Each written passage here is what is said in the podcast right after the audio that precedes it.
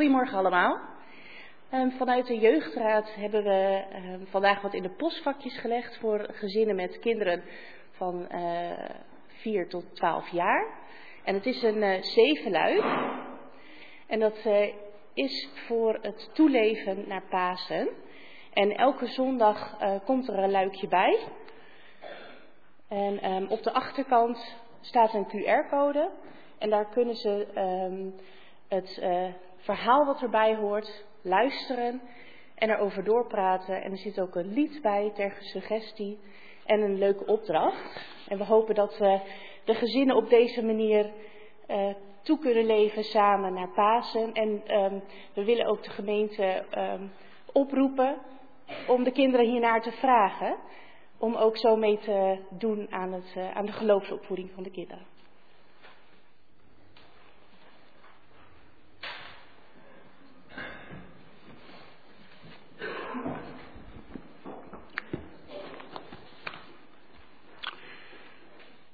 Ook van mijn kant een hele goede morgen, broeders, zusters, broertjes en zusjes.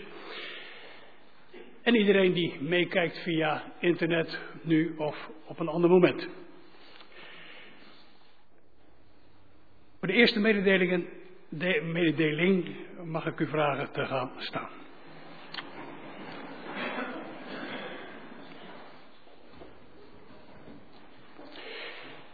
Afgelopen vrijdagmiddag is zuster Bailey Evink thuisgekomen bij haar heer.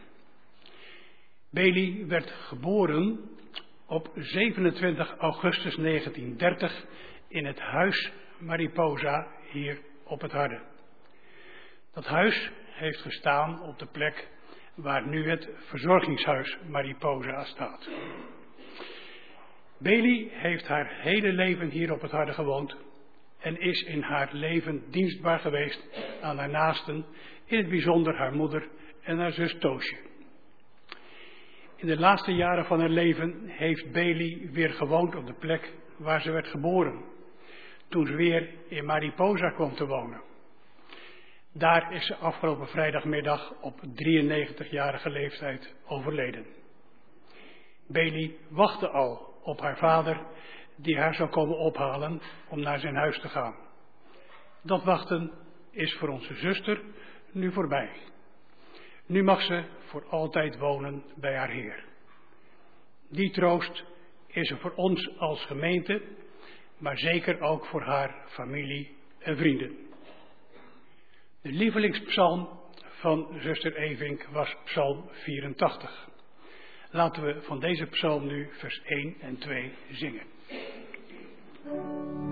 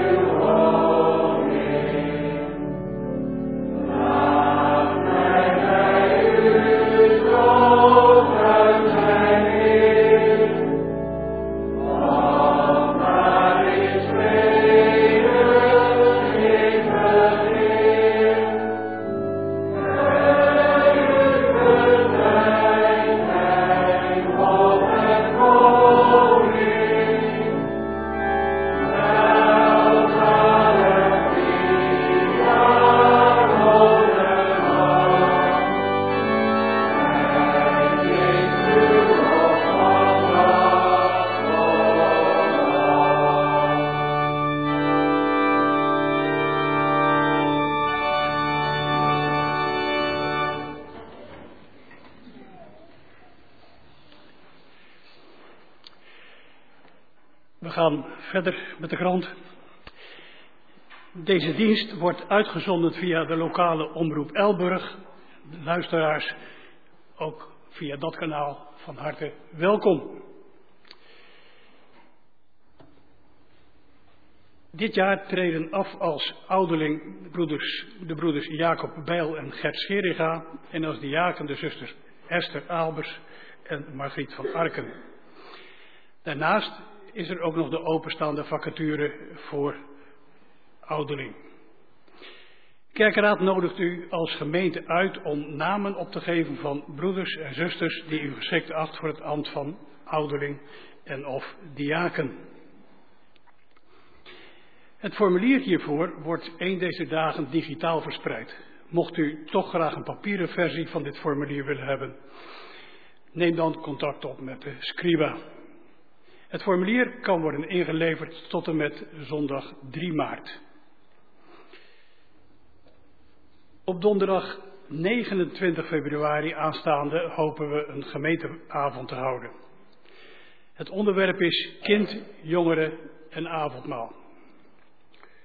U wordt hier allemaal voor uitgenodigd. En speciaal ook de jongeren zijn van harte welkom. En we hopen dat ik jullie aanwezig zullen zijn. De avond start om half acht en rond half tien wordt dat dan afgesloten met wat fris na. Broeder Corné Bakker heeft zich onttrokken aan onze gemeente. Het is nog niet bekend bij welke kerk of gemeente hij zich gaat aansluiten. Na deze dienst is er gelegenheid om koffie te drinken. Ook als u gast bent, dan bent u daar van harte welkom. En tenslotte mogen wij onze voorganger voor vandaag welkom heten, dominee Koppelaar uit Amersfoort. We wensen elkaar een gezegende dienst toe.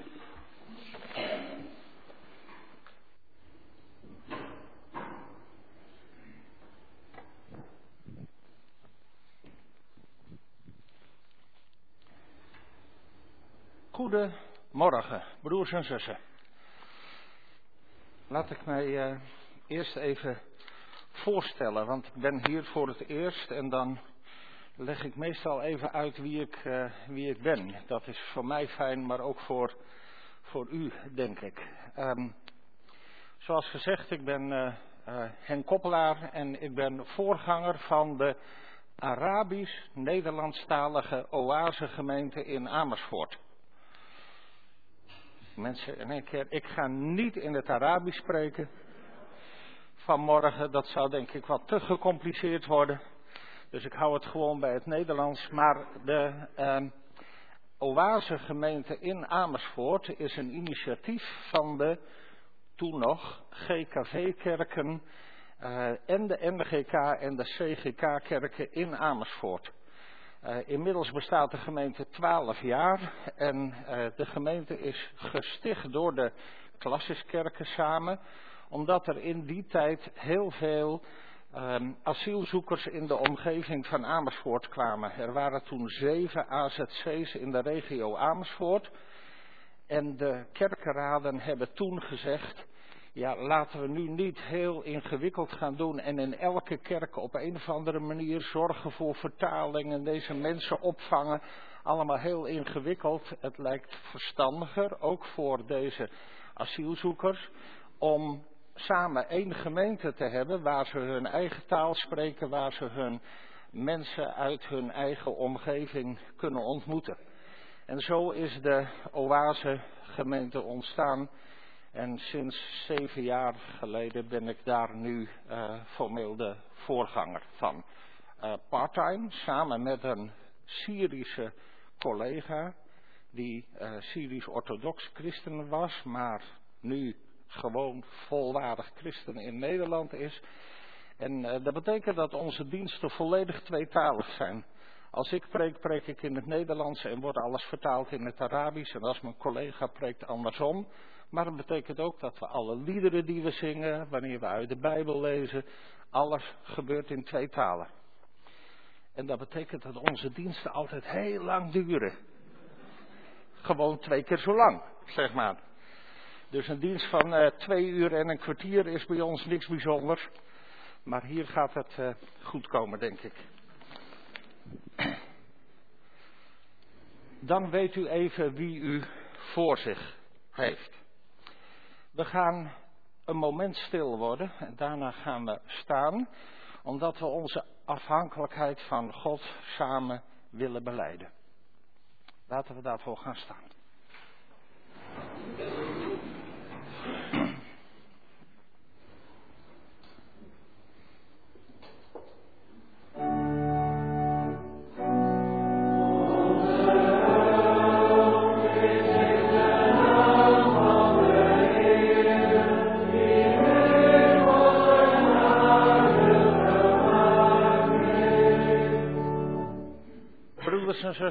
Namens die grote God mag ik jullie groeten, want er is genade en vrede voor jullie allemaal door Jezus Christus, onze Heer.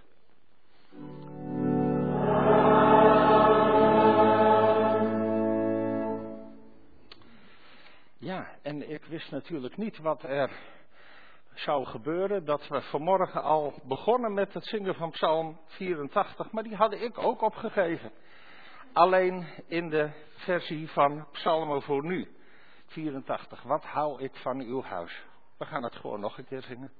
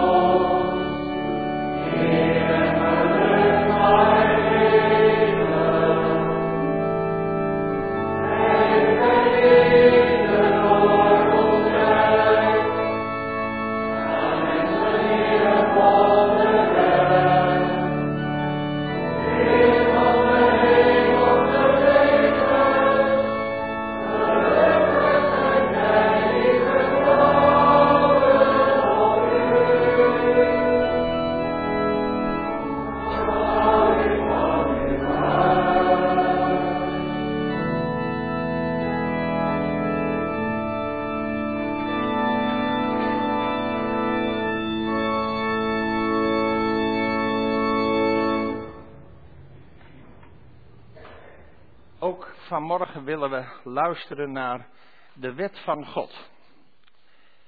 Hele oude woorden zijn dat, maar wel woorden die nog steeds van betekenis zijn voor ons vandaag. En ik lees met u de wet van God in een korte eigen tijdse bewoording. U ziet ze al op het scherm, zie ik. De wet van God luidt als volgt. Bezit en dien geen andere goden. Ik ben de Heere uw God. Je moet de consequenties dragen van je ongehoorzaamheid, maar als je mij dient, zal ik je zegenen. Gebruik mijn naam niet op een verkeerde manier. Werk alle dagen van de week, maar de zondag is een dag om mij te dienen en te rusten. Heb eerbied voor je ouders. Vergrijp je niet aan het leven van anderen. Wees trouw in je huwelijk en je relaties. Neem niets van wat het bezit is van anderen. Spreek niet verkeerd over andere mensen. En wees niet begeerig. Van mij krijg je alles wat je nodig hebt. Dien mij met heel je hart, met heel je ziel, met heel je verstand. Zoek het goede voor je naaste, zoals je dat ook zoekt voor jezelf. Als je dit doet, zal je gelukkig zijn. Dit is de wet van God. En dit was een andere versie, dat was een andere versie dan ik gelezen heb. Zie ik nu. Ja, deze woorden van de wet van God, die spreken denk ik vandaag ons meer aan. Want wie heeft er nog slaven en slavinnen? Of een os of een ezel? Dat zijn toch woorden die ver van ons vandaan staan. Maar de woorden van God zijn nog steeds belangrijk voor ons. Laten we samen zingen uit het nieuwe liedboek 912. Neem mijn leven, laat het Heer, vers 1, 2 en 6.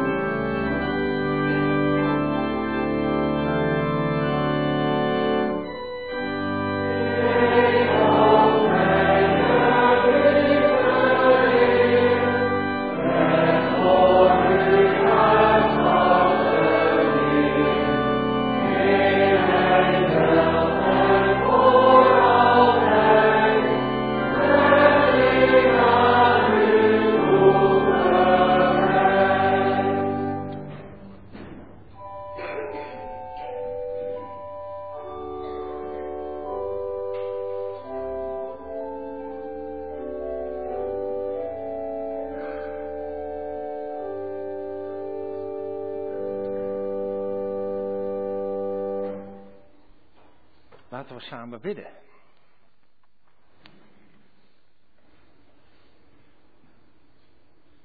Vader in de hemel. Grote, goede en trouwe God, dank u wel dat we vanmorgen hier weer als uw gemeente bij elkaar gekomen zijn op deze plek om u te eren en te prijzen. Want u bent de schepper van hemel en aarde en u bent ook onze schepper. Heere God, we danken u dat u ons de mogelijkheid geeft om samen te komen, om u te ontmoeten en ook elkaar te ontmoeten, omdat u ons aan elkaar gegeven hebt. En Heer, als we zo samenkomen om voor u te zingen, samen te bidden, dicht te komen voor uw aangezicht bij uw troon. Heer, dan bidden we of u ons heel dicht nabij wilt zijn in dit uur dat we samen zijn. Want we geloven dat u een boodschap voor ons hebt, dat u dingen tegen ons zeggen wilt. Waarmee u ons wilt aanraken, wilt stimuleren, wilt leren om steeds meer van u te houden, steeds meer te gaan lijken op uw Zoon, de Heer Jezus. En Heer, we bidden u dan ook of u met uw Heilige Geest in ons midden wilt zijn. Want dat heeft u immers zelf beloofd. Dat waar twee of drie bijeen zijn in uw naam, dat u in ons midden bent. En Heer, we vragen u of u onze oren wilt openen, zodat we uw stem zullen horen. En dat wat we horen niet maar woorden blijven die ons ene oor ingaan en het andere weer uit. Maar dat die woorden ons ook echt zullen raken. Dat we erover zullen nadenken en dat het ons zal veranderen. Dat we steeds meer op u zullen gaan lijken.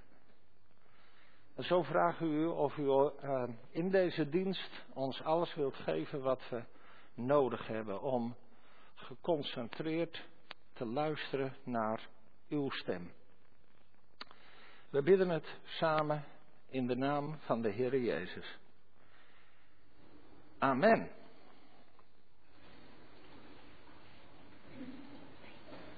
Ja, er is geen kindermoment, heb ik begrepen, maar dat neemt niet weg dat ik wel iets met de kinderen wil gaan doen. Dus als er kinderen zijn die naar voren willen komen, durven komen, dan uh, kom maar hier naartoe.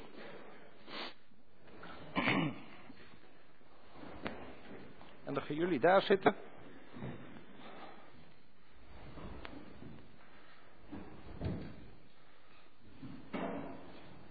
Nou, de iets ouderen mogen ook wel komen hoor.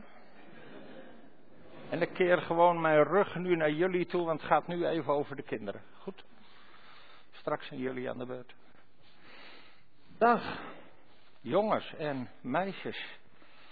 Fijn dat jullie er zijn. Um, ik wil even wat aan jullie vragen. Worden jullie wel eens geroepen? Ja? Oh, ik hoor daar, ik zie hier ja knikken en daar hoor ik ja zeggen. Door wie word je geroepen? Door papa en mama, soms. Ja? Ook wel eens door anderen? Ja? Oké. Ja, mensen roepen je soms. En uh, wat, wat doe je dan als je geroepen wordt? Naar ze toe komen. Ja? Oh. Sorry? En wat zeggen soms ook. Ja. Maar luisteren jullie altijd als je geroepen wordt? Oh, toch niet. Ik dacht dat zou wel heel bijzonder zijn, toch? Maar soms ook niet. Ik denk dat als papa en mama zegt of roept, nu je tablet wegleggen. Of nu je slaapkamer opruimen. Luister je dan ook? Nee. Oh. Oh, je hoeft niet te luisteren, want je slaapkamer is altijd netjes. Oh, ja, ik zie ja knikken. Oké. niet dat ik dacht dat hij zou liegen hoor, maar. maar, ja, maar. Soms denk ik dat je niet zo graag luistert als er iets gezegd wordt. En andere keren wel. Want als papa of mama zeggen: Ga je mee naar McDonald's? Ja, dan wel, hè? Precies, ja. Zeg, in de, in de Bijbel staan een heleboel verhalen, dat weten jullie wel, maar er staat ook een verhaal in over iemand die geroepen wordt. Door God geroepen wordt. Ja, maar wie was dat? Weet jullie, iemand die geroepen werd?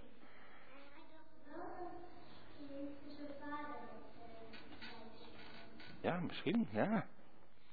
Maar wie was het? Weet je hoe zijn naam was?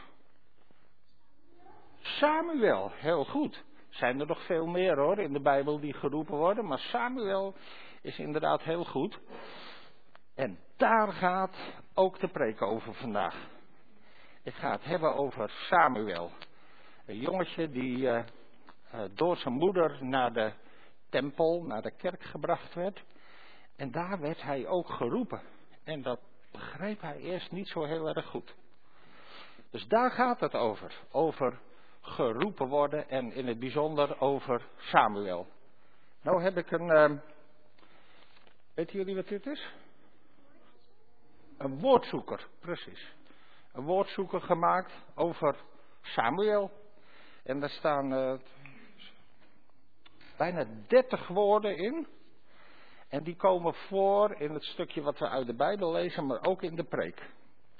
Dus nu weet ik niet of alle papa's en mama's pennen of potloden of zo bij zich hebben. Maar als jullie deze meenemen, moet je tijdens het lezen uit de Bijbel en de preek proberen goed te luisteren. En alle woorden die ik zeg, weg te strepen. Ja, gaan we dat proberen? Oké, nou, geef ik die aan jullie. Oh, wow. Nog een opstapje. Kom maar.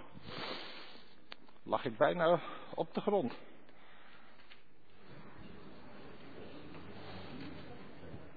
En ik, heb er ook nog een paar over voor kinderen die in de kerk zitten. Oké. Nou, ik heb er. Oh, kijk. Oh, voor, me, voor je broer. Nou, deel ze maar uit aan anderen die ze hebben willen. Ja, kijk. Dan komen er vanzelf meer. Zie? Dat dacht ik al. Want ik had er maar tien gemaakt, maar de koster heeft er nog een paar bij gemaakt. Nou, als iemand wil, dan uh, liggen ze hier. Dan gaan we dat verhaal uit de Bijbel lezen. 1 Samuel 3. En ik heb begrepen dat Ben Vermaas dat gaat lezen voor ons.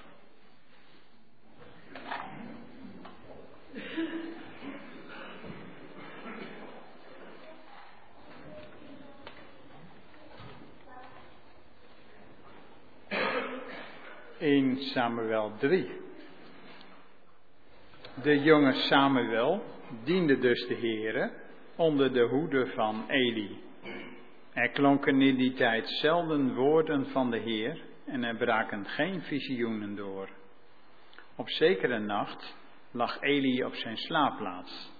Zijn ogen waren dof geworden. Hij kon bijna niet meer zien. Samuel lag te slapen in het heiligdom van de Heer bij de ark van God. De godslamp was nog niet gedoofd. Toen riep de Heer Samuel. Ja, hier ben ik, antwoordde Samuel. Hij, riep, liep snel naar Eli toe en zei: Hier ben ik, u hebt me toch geroepen? Maar Eli antwoordde: Ik heb je niet geroepen, ga maar slapen. Toen Samuel weer lag te slapen, riep de Heer hem opnieuw. Samuel stond op, ging naar Eli en zei: Hier ben ik, u hebt me toch geroepen? Maar Eli antwoordde: Ik heb je niet geroepen, mijn jongen, ga maar weer slapen. Samuel had de Heer nog niet leren kennen, want de Heer had zich nog niet eerder aan hem bekendgemaakt door het woord tot hem te richten. Opnieuw riep de Heer Samuel voor de derde keer. Samuel stond op, ging naar Eli en zei: Hier ben ik. U hebt me toch geroepen? Toen begreep Eli dat het de Heer was die de jongen riep. Hij zei tegen Samuel: Ga maar weer slapen. Wanneer je wordt geroepen, moet je antwoorden: Spreek, Heer, uw dienaar luistert. Samuel legde zich weer te slapen en de Heer kwam bij hem staan en riep net als de voorgaande keren: Samuel, Samuel. En Samuel antwoordde: Spreek, uw dienaar luistert. Toen zeide de Heer tegen Samuel: Let op, ik ga in Israël iets doen waarvan ieder zo zal ophoren dat zijn beide oren tuiten. Als die dag aanbreekt, zal ik alles, maar dan ook alles ten uitvoer brengen wat ik Eli en zijn familie heb voorzegd. Ik heb hem aangekondigd dat ik onherroepelijk het vonnis over zijn familie zou voltrekken vanwege zijn wandaad. Hoewel hij wist dat zijn zonen Gods lasterden, heeft hij hen niet terecht gewezen. Daarom heb ik Eli's familie gezworen dat geen graan of vredeoffer ooit hun schuld zou kunnen inlossen. Samuel bleef tot de ochtend liggen en opende toen de deuren van het heiligdom van de Heer. Hij zag er tegenop om Eli te vertellen wat hij in het visioen had gehoord. Maar Eli riep hem bij zich: Jongen, mijn jongen, Samuel, mijn jongen, kom eens hier. Hier ben ik, antwoordde Samuel. En Eli vroeg: Wat heeft hij tegen je gezegd? Probeer het niet voor me te verbergen. God mag met je doen wat hij wil, als je ook maar iets achterhoudt van wat hij tegen je heeft gezegd. Zonder iets achter te houden, vertelde Samuel hem alles wat God hem had gezegd. En Eli zei, hij is de Heer, laat hij doen wat, het, wat hij het beste vindt. Samuel groeide op. De Heer stond hen bij en liet al zijn woorden in vervulling gaan.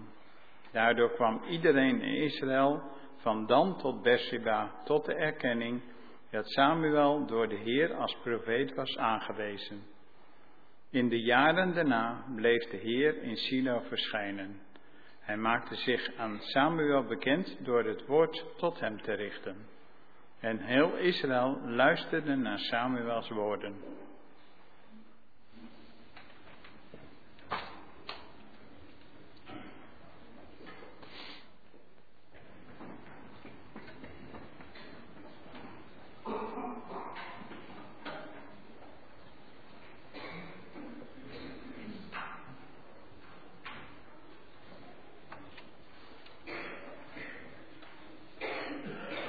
Broers en zussen, het thema voor deze dienst is, als we luisteren naar Gods stem, dan groeien we op naar Zijn wil.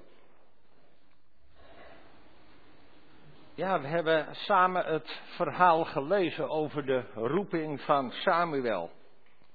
Hij, Samuel, is de verhoring op het gebed van een diep bedroefde vrouw, Hanna.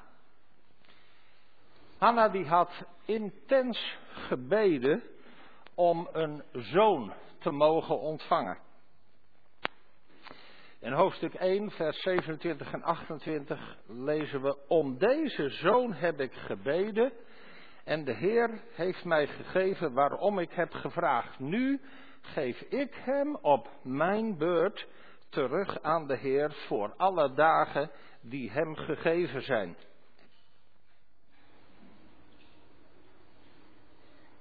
Kijken. Er staat aan.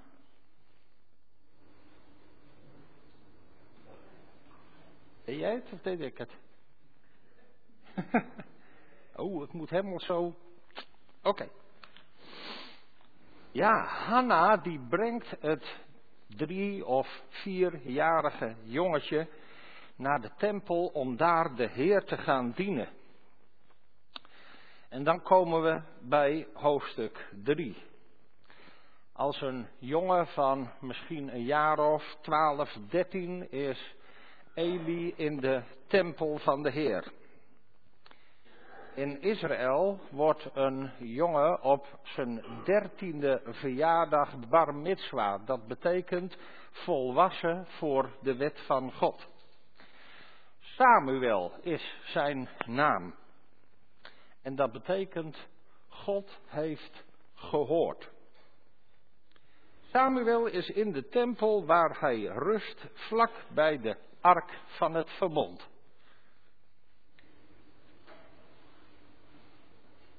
Ja, als we willen groeien in onze relatie met God, dan zullen we in de eerste plaats moeten leren luisteren naar zijn stem. En vanuit het verhaal van Samuel kunnen we daar denk ik veel over leren. Alles wat in de Bijbel geschreven staat, dat is voor ons een les om een leven te leiden zoals God het heeft bedoeld. En in de verhalen van, zeg maar, echte mensen uh, leren we daar veel over. Bijvoorbeeld zoals van Hanna. God die spreekt tot Samuel. En ook vandaag is dat denk ik nog steeds een actueel thema. Want spreekt God vandaag ook nog? En zo ja, hoe spreekt hij dan? En hoe weet je nou eigenlijk dat het Gods stem is die spreekt? En dat het niet gaat over je eigen voorstellingsvermogen.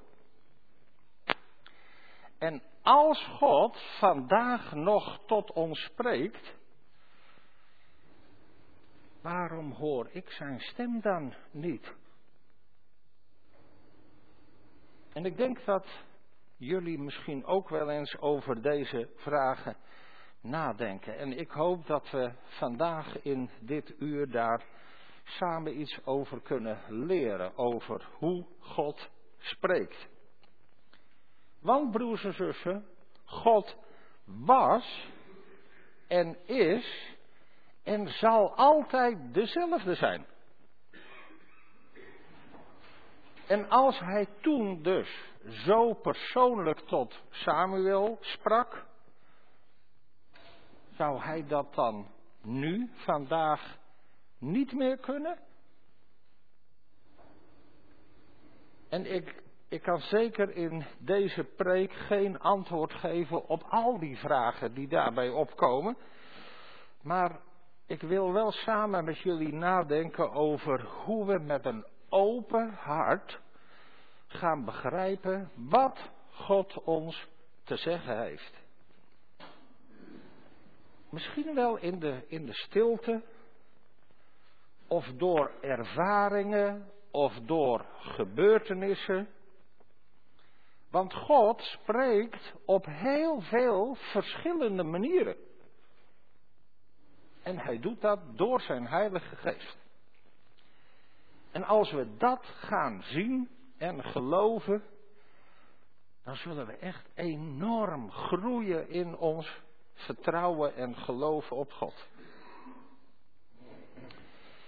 In vers 1 van het gedeelte wat we gelezen hebben, daar lazen we, er klonken in die tijd zelden woorden van God en er braken geen visioenen door. Hoe kwam dat?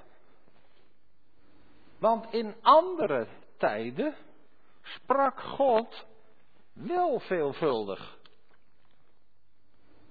Want hij, hij sprak met Abraham. En hij sprak met Isaac en met Jacob. En hij sprak met Mozes bij de braamstruik. En met Jozua en met Gideon. En nog heel, heel veel andere in de Bijbel. Steeds sprak God met mensen en spraken profeten woorden van God. En toen werd het stil. In het laatste gedeelte van de rechters, het oude boek Richteren, lezen we. In die tijd was er geen koning in Israël. Iedereen deed wat goed was in eigen ogen. En soms denk ik, als ik om mij heen kijk, nou, dat lijkt wel een beetje op onze tijd. En in het hoofdstuk voorafgaande aan wat we samen gelezen hebben, daar staat dat de zonen van Eli zich misdroegen en misbruik maakten van hun rechten aan het priesterambt. Daarom werd het stil en klonken er geen woorden meer van God. Maar broers en zussen, we hebben dat zo nodig. Dat God tot ons spreekt.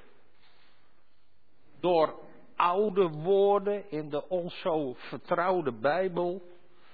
Of op welke andere manier dan ook. Maar als God ons niet meer aanspreekt. Ons hart niet meer raakt. Dan, dan raken we vervreemd van God. En dan herkennen we zijn stem ook helemaal niet meer.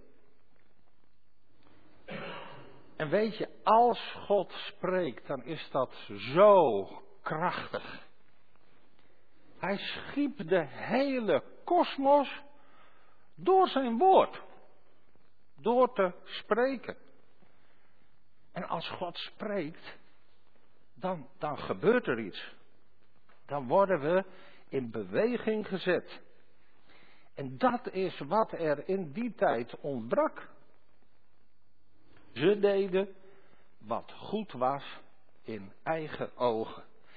Ja, en dan worden je ogen dof. Dan kun je niet meer scherp zien. En dan kun je de waarheid niet meer onder ogen zien. De woorden van God dringen niet meer tot je door. Groeien in geloof, dat is luisteren naar wat God jou te zeggen heeft. Wat zijn wil is. En Samuel, die moest dat ook leren. We zien dat in het gedeelte wat we samen hebben gelezen. Hij hoorde de stem van God tot drie keer toe. Maar hij herkende de stem van God niet. En dan uiteindelijk valt het kwartje bij Eli. Tot drie keer toe zegt hij tegen Samuel: Ga maar slapen, ik was het niet die je riep. Maar de laatste keer zegt hij erbij: Als je geroepen wordt, zeg dan: Spreek, Heer, want uw dienaar luistert. Als dat tegen mij gezegd zou worden, ik zou geen, ogen meer dicht doen.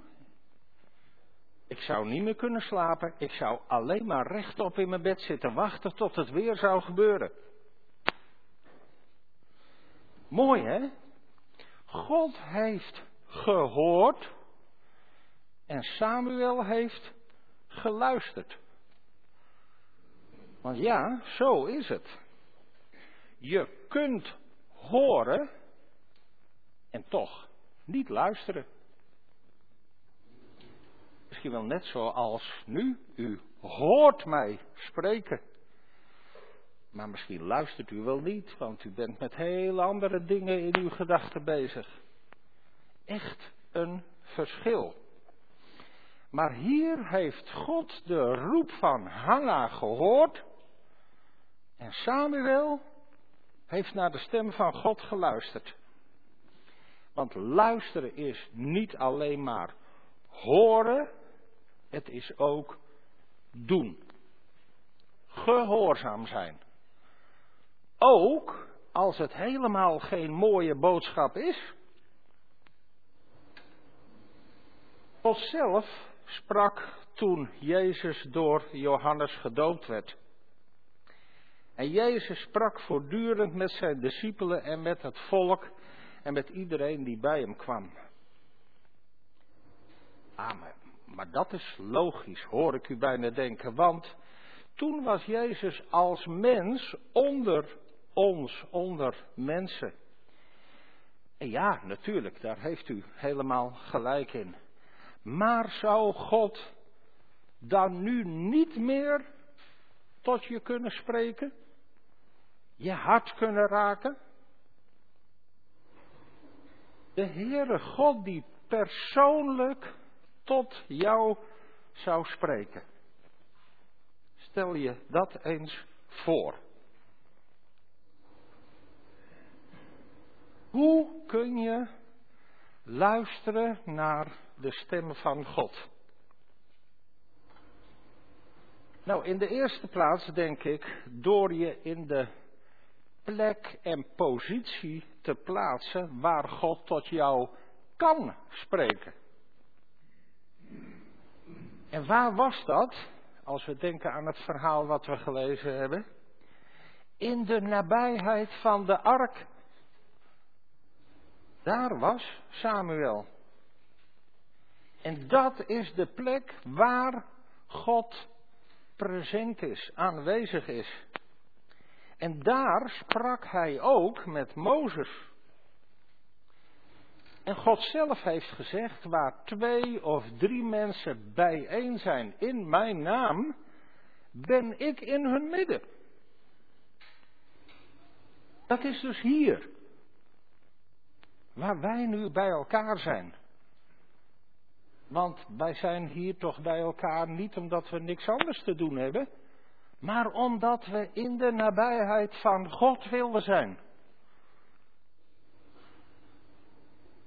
We zijn hier bijeengekomen om zijn stem te horen. En dat betekent je hart openen om zijn stem te horen. En de bereidheid hebben, broers en zussen, om te luisteren. Ongeacht wat daarvan de gevolgen zijn. Weet u, er is zoveel wat constant om onze aandacht schreeuwt, zou ik haast willen zeggen. De mensen om je heen, je telefoon, je vrienden, je baas, je familie. Maar er zijn ook een heleboel dingen die figuurlijk tot ons spreken. Facebook, WhatsApp, YouTube, TikTok, Netflix en nog een hele rijtje. Allemaal schreeuwen ze om onze aandacht. En hoe moeilijk is het om dat te negeren? Want als, ik heb mijn telefoon uh, in de consistorie laten liggen, maar ik ken mijzelf, en misschien kent u uzelf ook wel.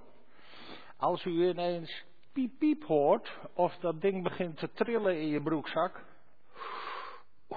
Wat is het dan moeilijk om dat te negeren en te denken, uh, uh, nu even niet. Eigenlijk wil je dan toch weten wat er gebeurt en wie jou nodig heeft. Toch? Zo werkt het. Die mensen knikken, ja. We herkennen dat wel. Zoveel impulsen van alles en iedereen die om onze aandacht schreeuwen. Ja. En misschien moeten we dan wel heel eerlijk zijn. Dat we dan niet meer zo goed de stem van God horen die onze aandacht vraagt. Tenzij we daar echt ruimte voor maken.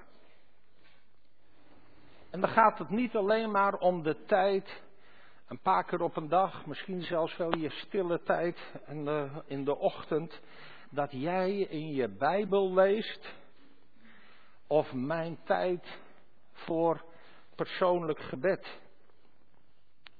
Want dan ben ik weer druk bezig. En heel vaak, als we bidden, ook dat is heel eerlijk, is het helaas zo vaak, luister Heer, want uw knecht spreekt. Dat is niet wat God bedoelt. Nee, tijd om te luisteren. En aandachtig luisteren, ja, dat, dat kan ook. Dat helpt ook om dat in je binnenkamer te doen, zoals Matthäus 6 zegt. Een plek waar er geen invloeden van buiten zijn. Waar je echt in staat bent om te luisteren. En toen riep de Heer Samuel.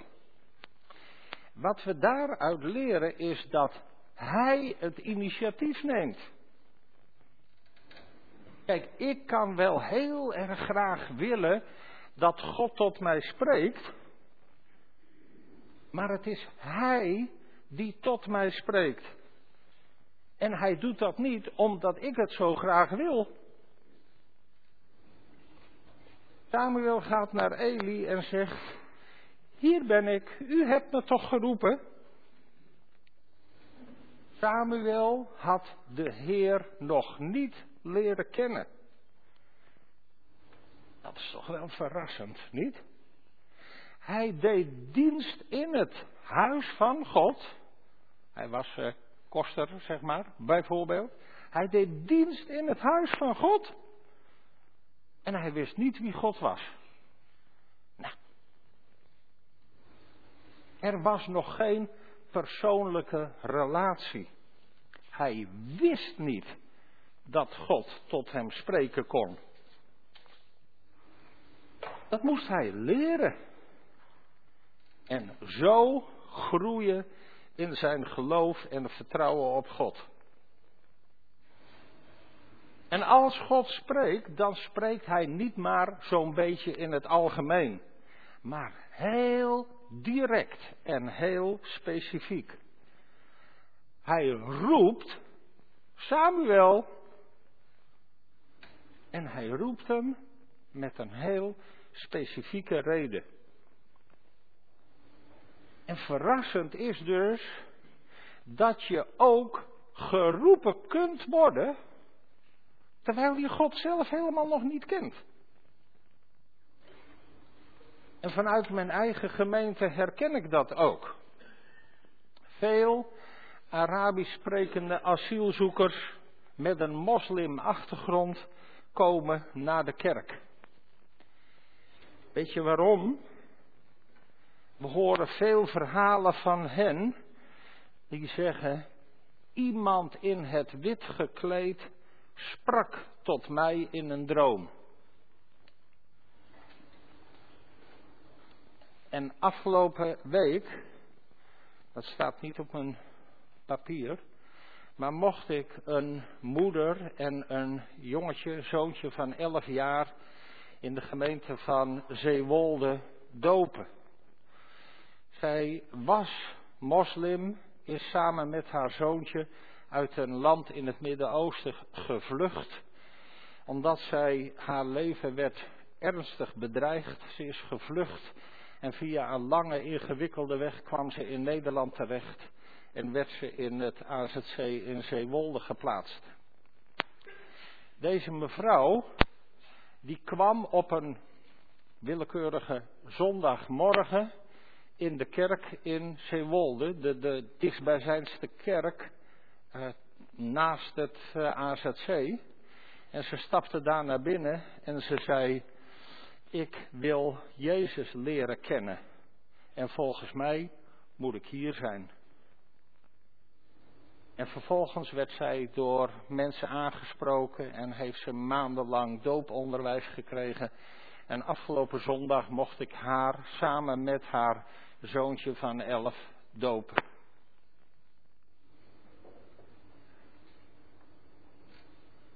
Voor ons, nuchtere Nederlanders, zeg ik dan maar, blijft dat toch een beetje een moeilijk onderwerp. Is het wel God die riep? Was het wel Jezus die met haar sprak? Of waren het misschien haar eigen gedachten, een droom die ze graag wilde?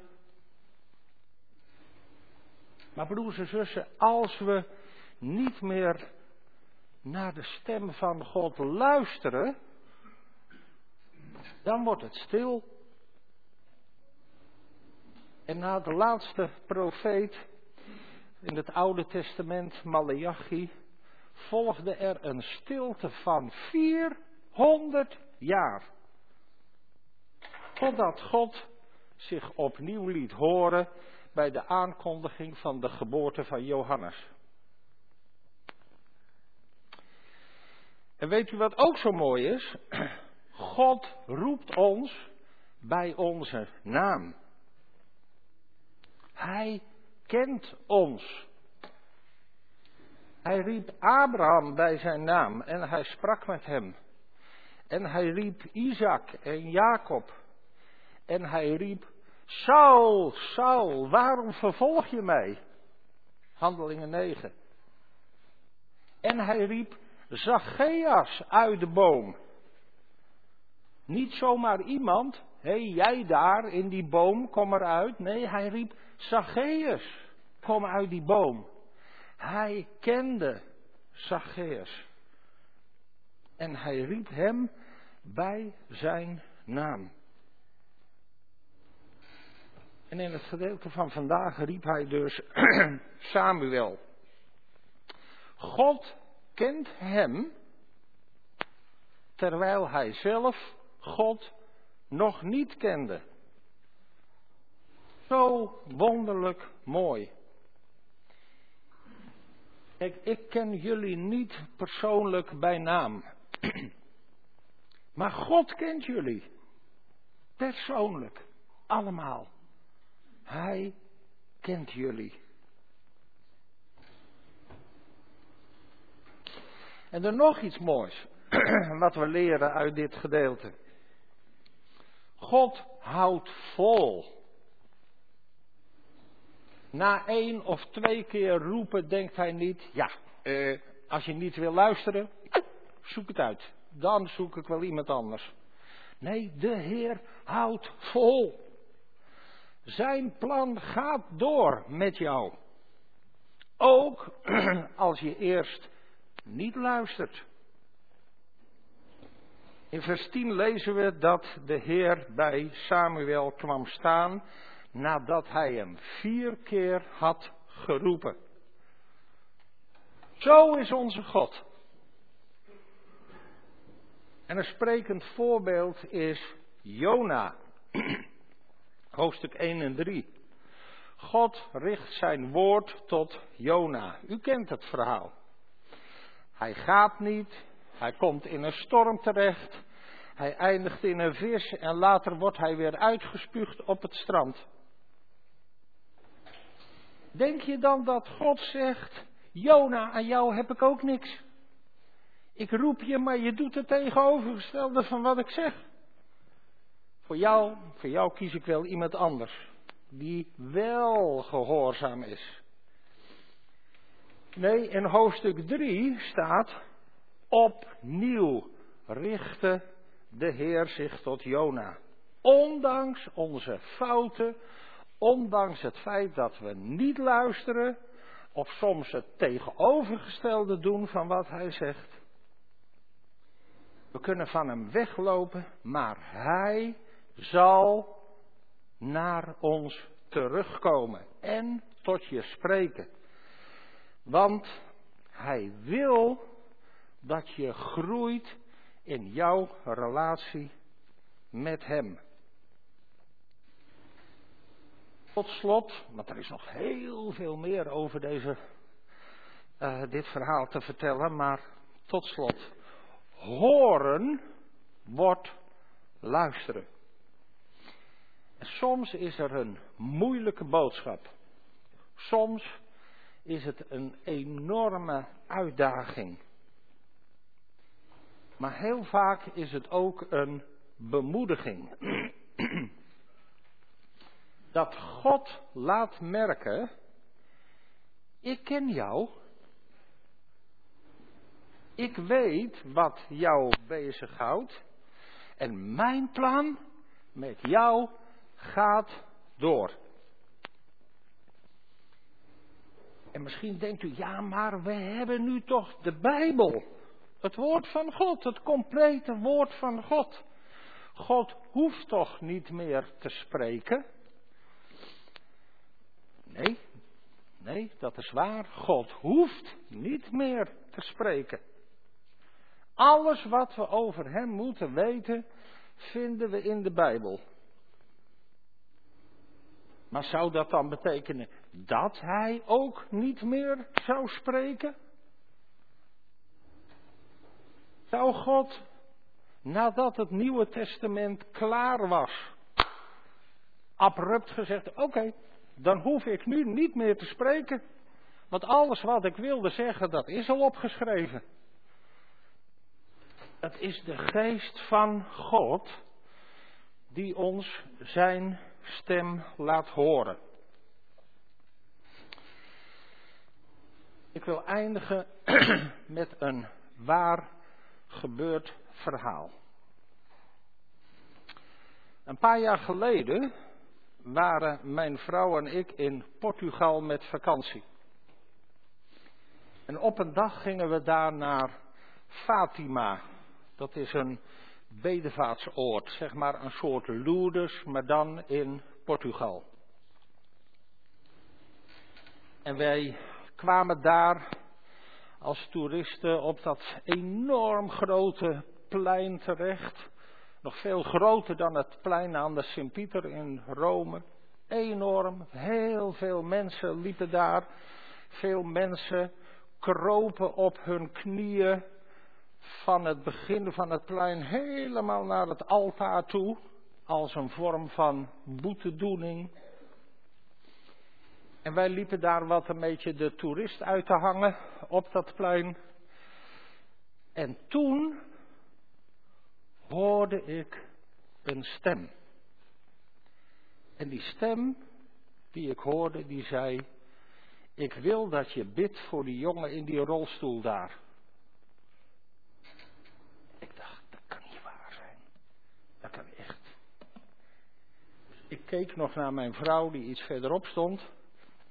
Maar zij reageerde niet, zij zei niks. Verder was er niemand in de buurt. Ik dacht, wat is dit zeg?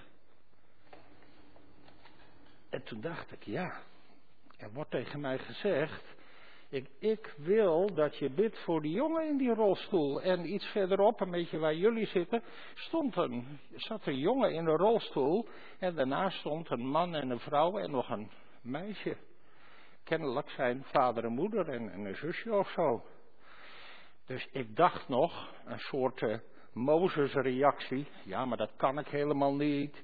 Want ik spreek niet zo goed en ik weet helemaal niet. Misschien spreekt hij wel Portugees en dat spreek ik niet. Dus hoe moet ik hem dan aanspreken? Allemaal van die excuses. Ik niet. Maar ik dacht, eigenlijk wist ik het zeker. Dit is God die tot mij spreekt. En toen ben ik naar die jongen toegelopen in zijn rolstoel. En ik heb tegen hem gezegd: uh, God zei tegen mij dat ik voor je moest bidden. Vind je dat goed? Dat zei ik in het Engels. En hij antwoordde ook. En hij zegt: Ja, sure. Ja, zeker. Ik heb vervolgens daar voor hem gebeden. Um, en ik weet niet wat ik gezegd heb. Uh, dat, dat wist ik een half uur daarna al niet meer. Ik heb gewoon voor hem gebeden. En toen ik mijn gebed beëindigd had, toen gaf ik hem een hand om hem te groeten. Zo van, ik heb gedaan wat ik doen moest. Tot ziens. En ik gaf hem een hand en hij stond zo op uit zijn rolstoel. En hij zei nog, uh, maar ik weet helemaal niet hoe dat moet. Ik heb nooit geleerd om te lopen. En vervolgens liep hij rondjes rondom zijn rolstoel. En zijn vader en moeder en zijn zusje stonden er. Wat gebeurt hier? Dan heb ik niet de indruk dat ik het per se moet bewijzen of het klopt wat ik zeg. Maar mijn vrouw had nog, die stond foto's te maken op dat plein. En hier ziet u hem in zijn rode shirt en een hoodie op. En ik sta ernaast en zijn vader en moeder staan erbij. En u ziet daar rechts de rolstoel nog staan. En hij liep daar gewoon rond alsof hij nooit anders gedaan had. Kijk, u ziet daar ook nog een mevrouw op haar knieën zitten. Zie je dat? Op de knieën zo. Hele stuk naar het altaar. Nou, dat is een flink stuk hoor. Maar daar liep die jongen. En ja, om maar even van het voetstuk af te stappen van een predikant zijn. Ik heb nog wel drie of vier keer achterom gekeken toen ik wegliep. Zo van, loopt hij er nog steeds of zit hij inmiddels weer in zijn rolstoel? Want ja, klein gelovig als ik ben, dacht ik, dit is toch wel heel bijzonder, niet? Maar het gebeurde. Het was zo duidelijk dat het de stem van God was die sprak. En sindsdien heb ik dat helaas niet meer meegemaakt. Niet op die manier. Maar het was zo duidelijk. God die sprak. En als God spreekt, dan kunnen we maar één ding doen en dat is luisteren en gehoorzaam zijn. En dan gebeuren er wonderen. Ja, dat horen van Gods stem kan op heel veel verschillende manieren. Soms is het heel concreet, zoals hier. Soms door wat je ervaart in je leven. Soms door wat je leest in het woord van God. Dat je ineens denkt, hoe kan dat dat ik nu juist op dit moment dit in de Bijbel lees?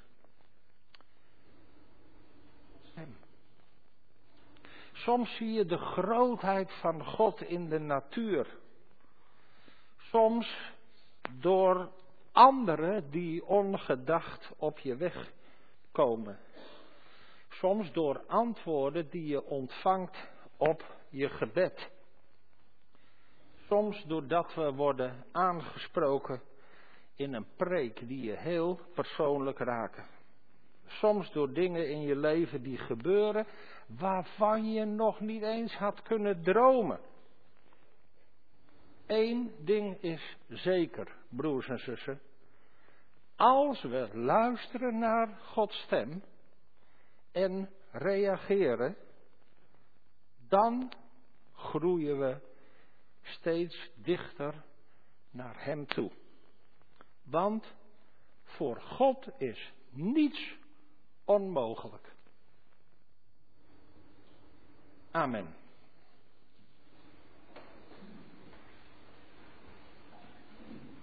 We gaan zingen. Opwekking 6, 8, 9. Spreek, o Heer, door uw heilig woord.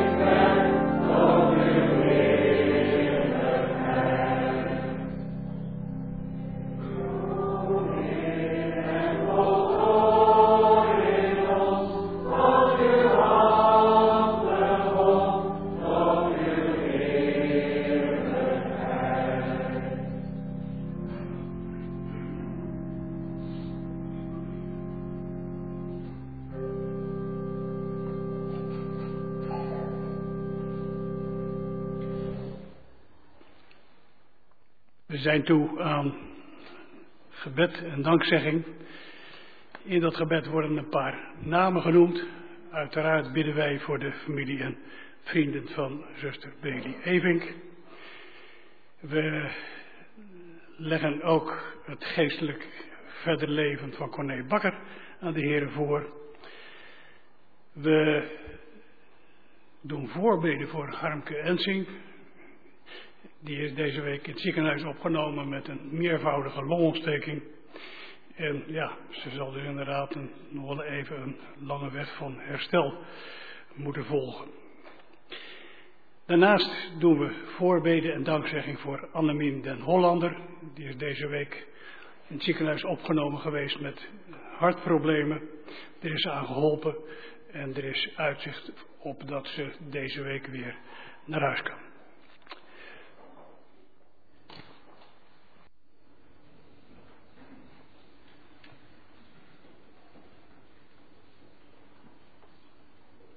Laten we samen tot God gaan.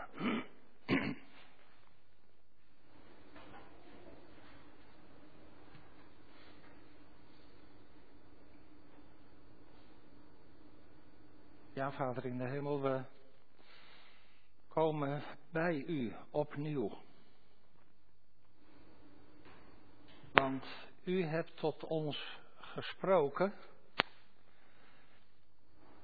En we hebben het allemaal gehoord. Maar Heer, nu vragen wij u ook of u ons wilt helpen om uw woorden niet alleen maar te horen, maar daar ook naar te luisteren en open te staan voor uw stem die tot ons spreekt, op welke manier dan ook. En misschien is het wel heel bijzonder om heel persoonlijk en concreet door u te worden aangesproken. Maar dat is niet meer of bijzonderder dan al die andere manieren waarop u tot ons spreekt. Als we lezen in uw woord, of op welke manier dan ook. Want u wilt een relatie met ons. En een relatie hebben met u is niet passief, maar is echt luisteren en met u in contact komen en zijn. En daarom willen we u danken voor uw woord van deze morgen. Ook als het heel confronterend is. En ook als we het moeilijk vinden. Heer, wilt u heel dicht bij ons zijn door uw Heilige Geest. Dank u wel voor de ontmoeting die we met u mochten hebben en ook met elkaar. Heer, we willen u danken ook voor eh, familie Den Hollander. Annemien is geholpen eh, aan haar hart, heeft een operatie ondergaan. En wij geloven dat u daar ook bij was. En daarom zijn we erg dankbaar dat de operatie goed verlopen is en dat de vooruitzichten goed zijn. En dat ze misschien zelfs wel deze week alweer terug mag naar haar plek, naar huis.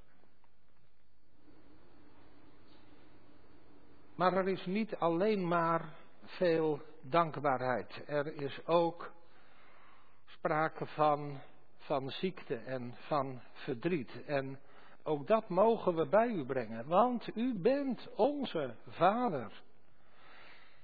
En daarom mogen we ook uitspreken wat er in ons hart is. Als er sprake is van ziekte,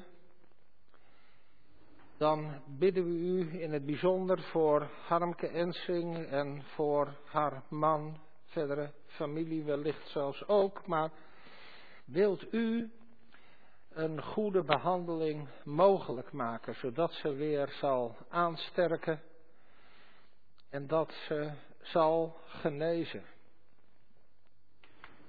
Want u bent de grote geneesheer. U kunt dingen doen die voor ons niet of nauwelijks mogelijk zijn. En waar artsen soms met lege handen staan, kunt u genezing geven. En daar bidden we dan ook voor. Dat ze volledig mag herstellen en dat zij merken mag dat u er voor haar bent. Heer, we bidden voor Corné Bakker. We hebben de afkondiging moeten doen dat hij zich heeft losgemaakt van deze gemeente en zonder dat we weten waarheen hij zal gaan. Heer, het is ons gebed dat u ook met hem uw weg gaat, dat u hem niet loslaat, welke weg hij ook gaat. We kunnen heel ver van u weggaan, maar er is maar één stap nodig om weer voor uw aangezicht te zijn. En daarom willen we u bidden of u ook met hem wilt zijn. En hem wilt vasthouden en er altijd voor hem wil zijn. En we bidden dat hij een goede plek zal vinden waarin hij ook u weer zal vinden en in relatie met u zal komen. U doet grote dingen, Heer. En we bidden samen, nu we gehoord hebben van het overlijden van zuster Baby Evink. Wat een hoge leeftijd heeft u haar gegeven. Maar nu was haar woning klaar. En heeft u haar tot uzelf geroepen. Nu mag ze zijn in uw nabijheid. Dank u wel dat u uw geliefde kinderen thuis haalt. Dat ze dicht bij u mag zijn, zonder moeite, zonder pijn. En dat zij u van aangezicht tot aangezicht mag zien. Gelijktijdig is er natuurlijk ook verdriet. Omdat we mensen missen in onze directe omgeving. En daarom bidden we u voor familie en vrienden die haar goed kennen en die in de afgelopen tijd eh, vaak bij haar waren. Heer, de moeilijke weg naar de begrafenis zal uh, komen. En dat zal moeilijk zijn om los te laten wie je, van wie je zoveel hebt gehouden. Maar gelijktijdig is daar die troost dat u voor haar nu bent wie u altijd al was. En dat ze in uw nabijheid mag zijn. Laat dat voor ons een troost zijn. En wilt u dan ook in de komende dagen, weken en maanden bij familie en vrienden zijn die dit gemis moeten dragen. Zo leggen we al deze dingen bij u neer, Heer. Want bij u zijn al onze gedachten, onze woorden, onze gebeden op de goede plek. U weet wat goed en wat nodig is. Daarom willen we u danken voor alles wat u ons gaf en u prijzen en eren om wie u bent. En we bidden dit alles samen in de naam van de Heer Jezus. Amen.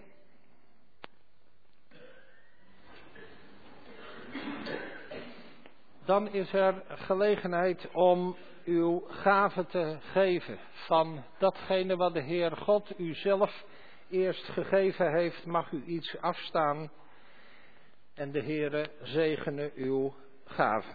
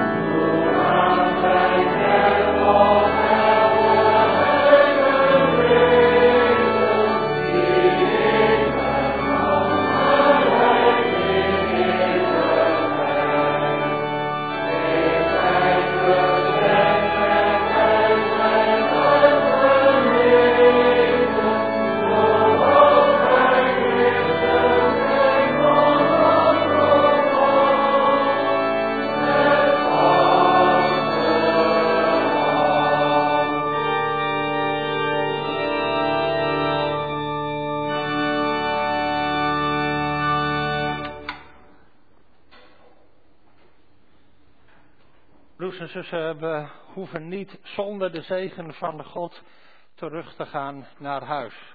Open uw handen, ontvang de zegen van God en deel die zegen ook uit aan ieder die het nodig heeft. Want het is de Heere onze God die jullie zegent en beschermt. Hij doet zijn aangezicht over jullie lichten en zij jullie genadig. De Heere verheft zijn aangezicht over jullie en geeft jullie vrede.